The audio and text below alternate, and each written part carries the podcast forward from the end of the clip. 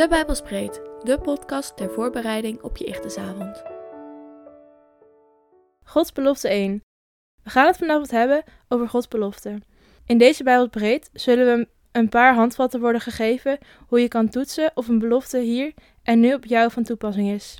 Zodat je tijdens kring in de daadwerkelijke belofte in de Bijbel mag gaan duiken en je hier ook samen naar uit mag strekken. God is trouw en goed, dus wanneer God iets aan ons belooft, dan zal Hij het ook waarmaken. Dus als iets wat God voor ons idee had beloofd, toch geen werkelijkheid is geworden, dan moeten we niet gaan twijfelen aan God zelf, maar moeten we nagaan of er ergens anders iets niet klopt. We zullen verschillende overwegingen bespreken om daarachter te komen. Als je hebt uitgezocht of een bepaalde belofte op jou van toepassing is, dan mag je daar ook echt op gaan staan. God doet geen ijdele beloften en het spreekt juist van vertrouwen en van verlangen wanneer je tot God bidt om de belofte die Hij aan jou heeft gedaan waar te maken. Een mooi voorbeeld in de Bijbel van iemand die staat op Gods beloften en zich ernaar uitstrekt is Daniel. In hoofdstuk 9 lezen we over zijn ontdekking dat God Israël na 70 jaar uit de ballingschap wilde redden. En Daniel smeekt God dan om dit waar te maken. Daaruit spreekt een enorm vertrouwen om hoop te houden op Gods plan en in zijn woorden te vertrouwen als je al bijna je hele leven in ballingschap als minderheid leeft. Toch is het goed om eerst te raden te gaan of een bepaalde specifieke belofte echt voor jou is bedoeld. Zo zijn er bepaalde beloften die gericht zijn aan specifieke personen. God belooft bijvoorbeeld aan David dat er altijd een nakomeling van hem op het troon van Israël zal zitten. Maar er zijn ook beloften die niet voor altijd gelden.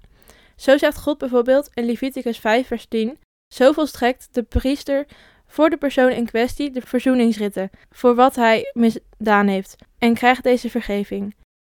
Inmiddels is deze belofte van verzoening door een verzoeningsrite niet meer geldig, want Christus heeft die verzoening al geschonken.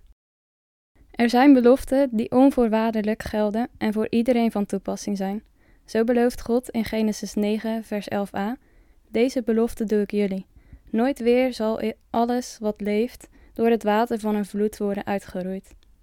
Waarbij jullie refereert naar alle levende wezens en hun nakomelingen. Aan sommige beloften hangt echter wel een voorwaarde.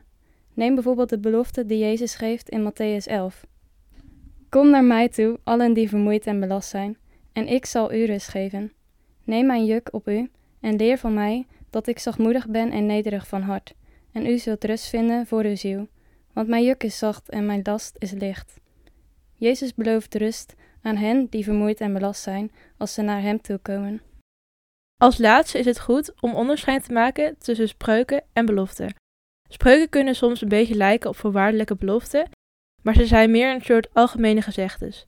Dingen die in het algemeen opgaan en dus goed zijn om te doen of juist niet doen. Het boek Spreuken in de Bijbel heeft zowel de naam als deze vermoeden veel van dit soort uitspraken. In Spreuken 22 vers 6 staat het volgende. Leer een kind van jongs af aan de juiste weg, en het zal er niet van afwijken wanneer het oud geworden is. Dit is geen harde belofte, want als ouder heb je geen absolute garantie over de keuzes die je kind later zal maken. Echter is dit wel een wijze les. Als je kinderen goed opvoedt, zijn ze over het algemeen ook betere volwassenen. Ook buiten het boek Spreuken staan uitspraken die geen belofte zijn, maar een algemeen les, en ook zo geïnterpreteerd dienen te worden. Dan lezen we nu Matthäus 6, vers 31 tot en 33. Wees daarom niet bezorgd en zeg niet: wat zullen wij eten? Of wat zullen wij drinken? Of waarmee zullen wij ons kleden? Want al deze dingen zoeken de heidenen. Uw hemelse Vader weet immers dat u al deze dingen nodig hebt. Maar zoekt eerst het koninkrijk van God en zijn gerechtigheid, en al deze dingen zullen u erbij gegeven worden. Betekent dit letterlijk dat als je geen boodschappen doet, omdat je je er geen zorgen over hoeft te maken, je de dag erna gewoon avondeten in je koelkast hebt staan? Lijkt me niet.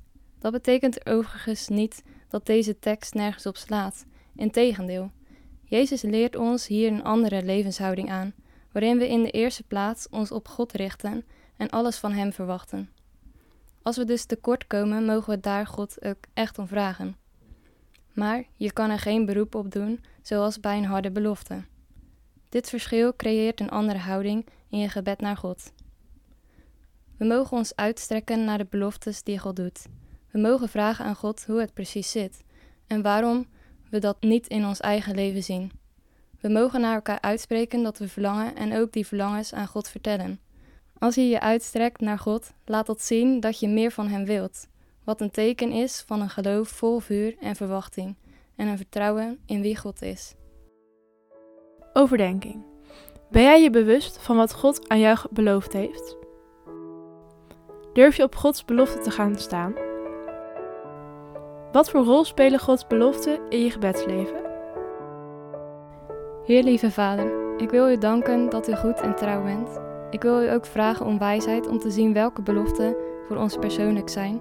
En ik wil u vragen om deze beloften ook waar te maken.